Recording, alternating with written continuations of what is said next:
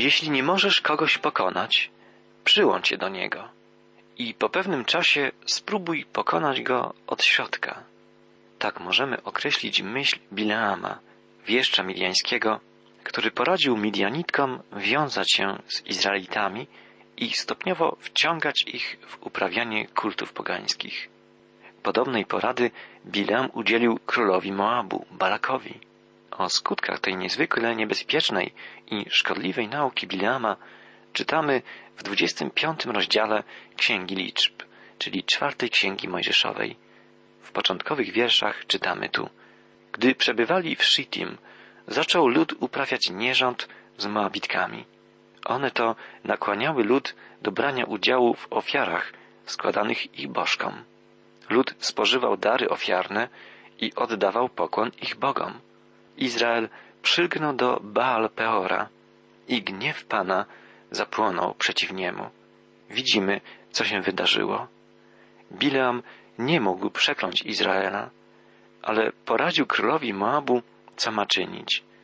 Moabitki wiązały się z Izraelitami, nakłaniały ich do udziału w obrzędach kultu pogańskiego, odwodząc ich od Pana.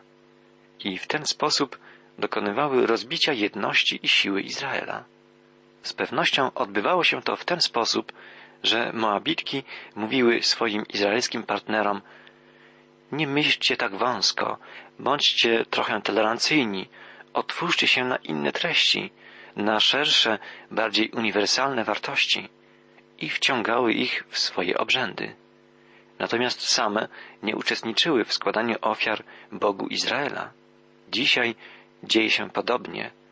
Do typowych haseł teologii liberalnej należy zarzut jesteście zbyt ograniczeni, myślicie zbyt ciasno, patrzycie zbyt wąsko, mówicie tylko Jezus, tylko Biblia. Podobnie rozumują przedstawiciele coraz bardziej popularnego również u nas w Polsce ruchu religijno-filozoficznego New Age. Zarzucają oni chrześcijanom, że ograniczają możliwość dotarcia do Boga tylko do jednej drogi, poprzez Jezusa. Oni natomiast uważają, że Jezus jest jednym z wielu proroków prowadzących do Boga. Jednym z wielu.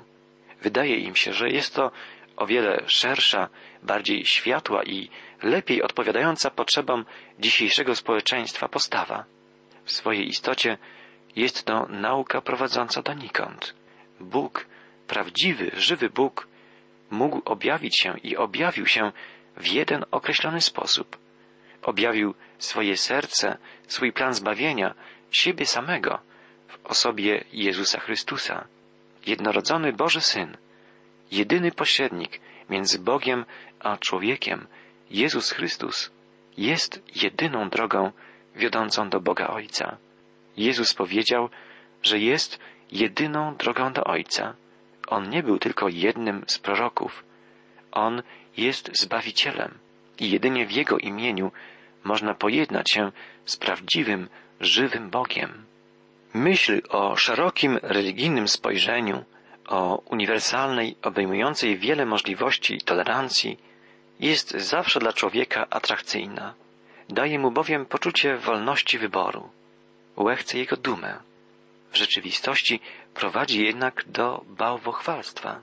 Tak stało się w przypadku Izraelitów. Ani spostrzegli się, kiedy stali się wyznawcami Baal Peora, pogańskiego bożka. Izrael przylgnął do Baal Peora, czytamy. I gniew Pana zapłonął przeciw niemu. I rzekł Pan do Mojżesza, zbierz wszystkich winnych przywódców ludu i powieś ich dla Pana wprost słońca, a wtedy odwróci się zapalczywość gniewu Pana od Izraela. Rozkazał więc Mojżesz sędziom Izraela.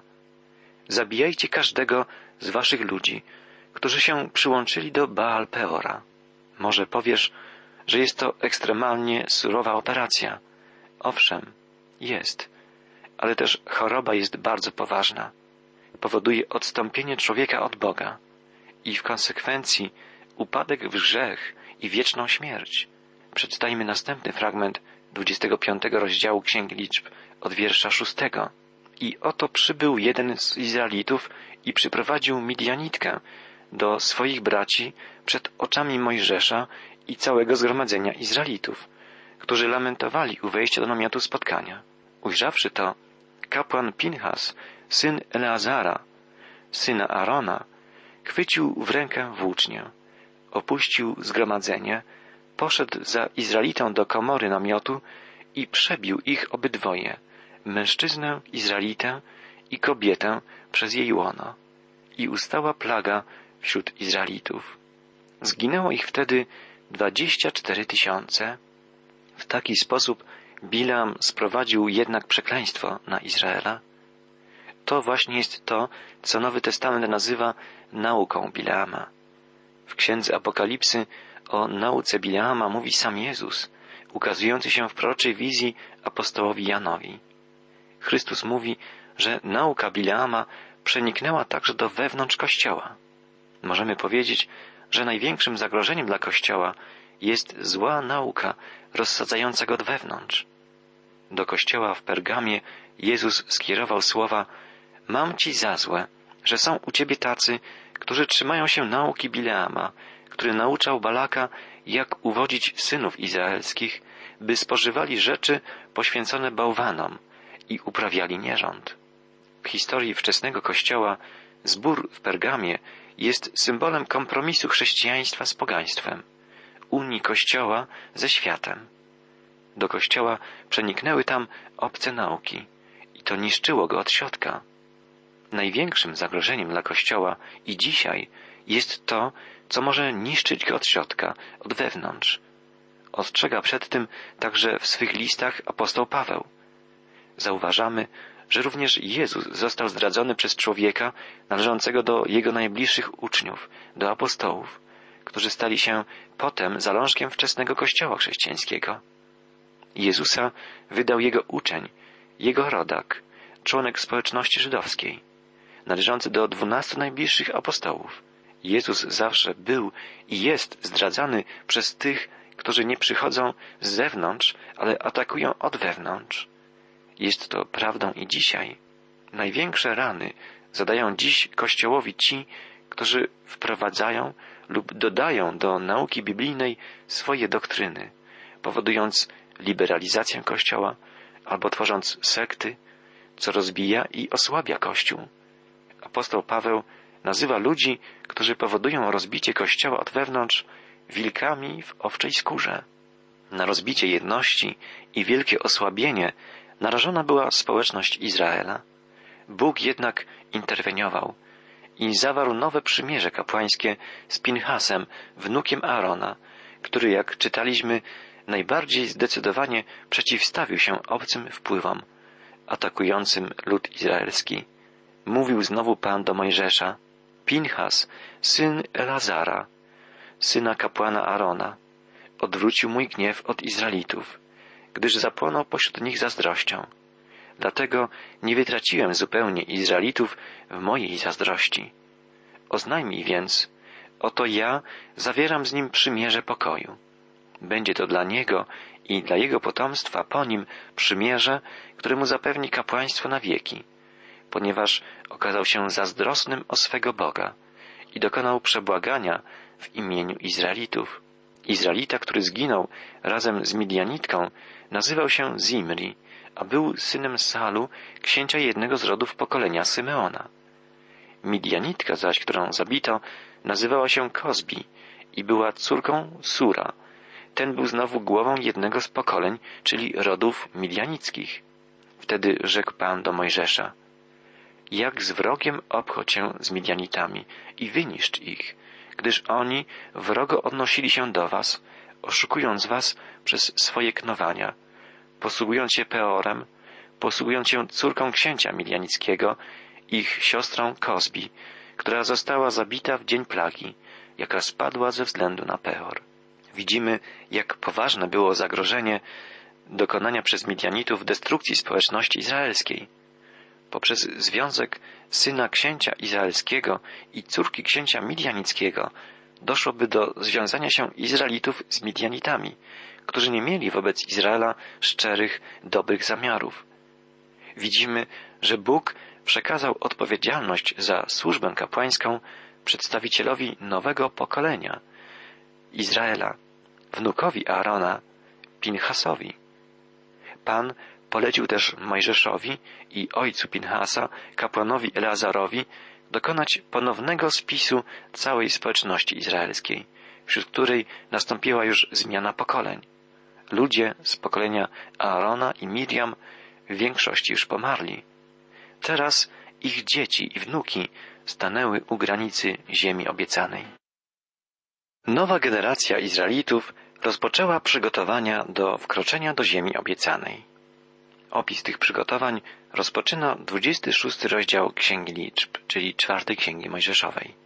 W pierwszych wierszach tego rozdziału czytamy Rzekł Pan do Mojżesza i Eleazara, syna kapłana Aarona, dokonajcie obliczenia całej społeczności Izraelitów według rodów od dwudziestu lat wzwyż zdolnych do walki. Mojżesz więc i kapłan Eleazar na równinach Moabu naprzeciw Jericha nad Jordanem tak zarządzili. Od dwudziestu lat wzwyż, jak to Pan nakazał Mojżeszowi oraz Izraelitom przy wyjściu z Egiptu, spisze się lud. I dalej następuje relacja i podanie wyników spisu, który, jak widzimy, był przeprowadzany według takich samych zasad jak spis poprzedni. Gdy porównamy wyniki pierwszego spisu, dokonanego w drugim roku po wyjściu Izraelitów z Egiptu i obecnego spisu, przeprowadzonego w czterdziestym roku ich wędrówki przez pustynię, zauważymy, że liczba Izraelitów w ciągu tych 38 lat nie wzrosła, a zmalała. Wprawdzie liczebność niektórych spośród dwunastu plemion izraelskich nieznacznie wzrosła, ale innych z kolei znacznie zmalała. Ogółem mężczyzn powyżej 20 roku życia, zdolnych do walki, było tym razem 601 730, czyli o 1820 mniej niż w czasie poprzedniego spisu. Społeczność Izraela nie rozrosła się więc w czasie owych 40 lat wędrówki przez pustynię, a nawet nieznacznie zmalała. Stało się tak z powodu nieposłuszeństwa Izraela względem Boga. W czasie ich kolejnych buntów ginęły setki i tysiące ludzi. A wszystko zaczęło się od ich buntu w Kadesz, gdzie odmówili Bogu i Mojżeszowi posłuszeństwa i nie chcieli wejść do Kanaanu. Pamiętamy, że Pan powiedział wtedy, trupy wasze zalegną tę pustynię.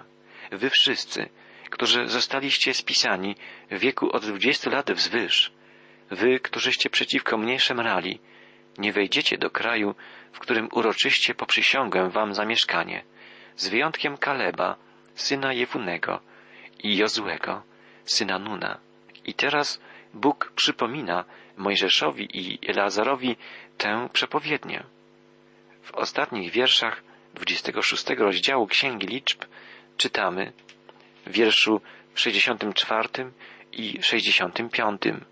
Pośród nich nie było nikogo z tych, których Mojżesz i Aaron spisali, gdy dokonywali spisu Izraelitów na pustyni Synaj. Rzekł im bowiem Pan, że umrą na pustyni i nie zostanie z nich żaden, oprócz Kaleba, syna Jefunego i Jozułego, syna Nuna. Całe stare pokolenie Izraela pomarło na pustyni, łącznie z kapłanem Aaronem i siostrą Mojżesza Miriam. Jedynie Kaleb i Jozue dwaj wywiadowcy, którzy wzywali do wejścia do ziemi obiecanej, bo ufali Panu, pozostali z tego pokolenia przy życiu. Do Kanaanu nie wejdzie także Mojżesz z powodu błędu popełnionego w Meriba. Ziemię obiecaną zdobędzie więc nowe pokolenie Izraela. Ci, którzy nie mieli jeszcze dwudziestu lat, gdy ich ojcowie stanęli po raz pierwszy u granicy Kanaanu. Nie ponosili oni więc jeszcze odpowiedzialności za bunt, który lud izraelski wzniecił wtedy przeciwko Panu.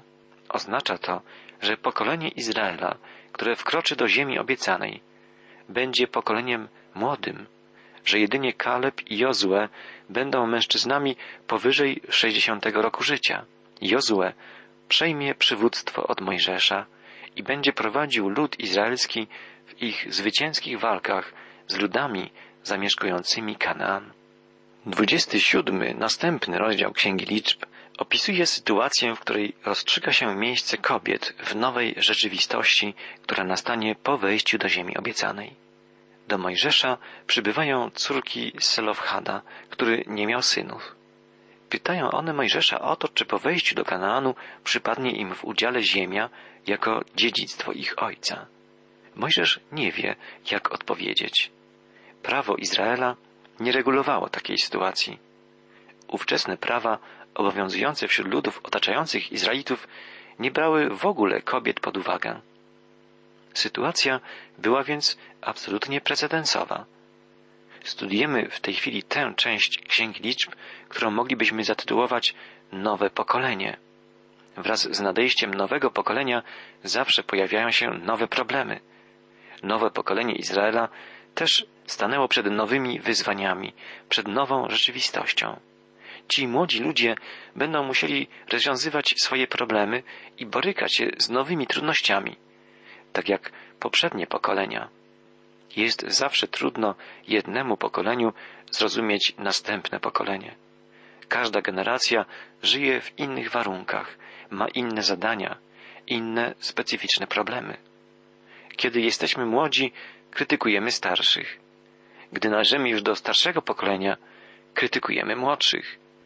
Na szczęście jest jeszcze ponad nami ktoś, kto może pomóc nam łączyć doświadczenie z fantazją, rozwagę i mądrość z młodzieńczą werwą. Spójrzmy na Mojżesza.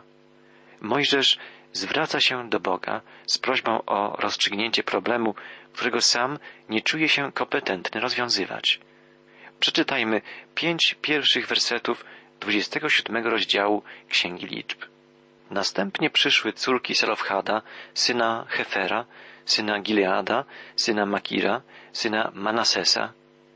Wystąpiły przed Mojżeszem, kapłanem Eleazarem, przed książątami i całą społecznością u wejścia do namiotu spotkania i rzekły Ojciec nasz umarł na pustyni, ale nie należał do zgrai tych, którzy się połączyli przeciw Panu, do zgrai Koracha.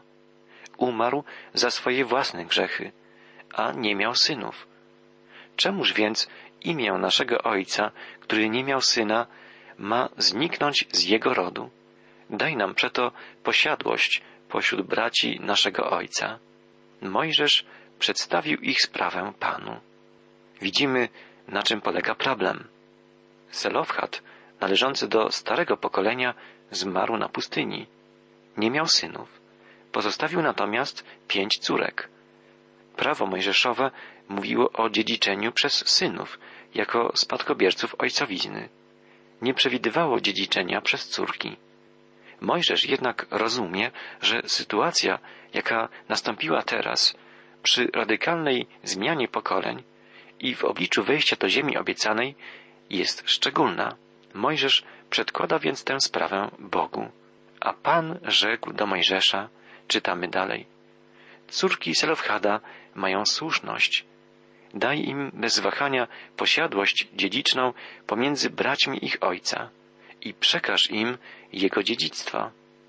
Izraelitom zaś wydaj następujące polecenie. Gdy umrze mąż, nie zostawiając syna, wtedy jego dziedzictwo przeniesiecie na jego córkę.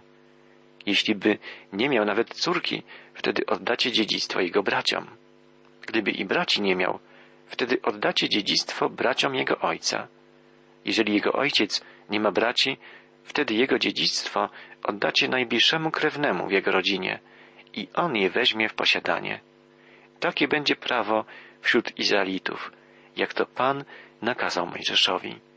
Bóg udzielił Mojżeszowi odpowiedzi, która oznacza, że odtąd kobiety będą miały prawo do dziedziczenia własności swoich ojców. W tamtych czasach było to prawo rewolucyjne. Zaczęło ono obowiązywać w Izraelu około półtora tysiąca lat przed narodzeniem Chrystusa. Biblia jest jedyną księgą starożytną, która przyznaje prawa dziedziczenia i w ogóle jakiekolwiek prawa kobietom. Już na pierwszych kartach Biblii czytaliśmy, że Bóg stworzył człowieka na swoje podobieństwo, jako mężczyznę i kobietę. Gdy przyjdzie Chrystus, w pełni objawi równość mężczyzny i kobiety przed Bogiem. Apostoł narodów ogłosi, że dla Boga nie ma różnicy między mężczyzną i kobietą, między Żydem i Polakiem, między białym i czarnym, między bogatym i biednym. Chrystus przyszedł już i objawił nam te prawdy. Jego apostołowie wyjaśnili nam to wszystko. Teraz wszyscy jesteśmy w Chrystusie wezwani do udziału w dziedzictwie naszego niebiańskiego Ojca.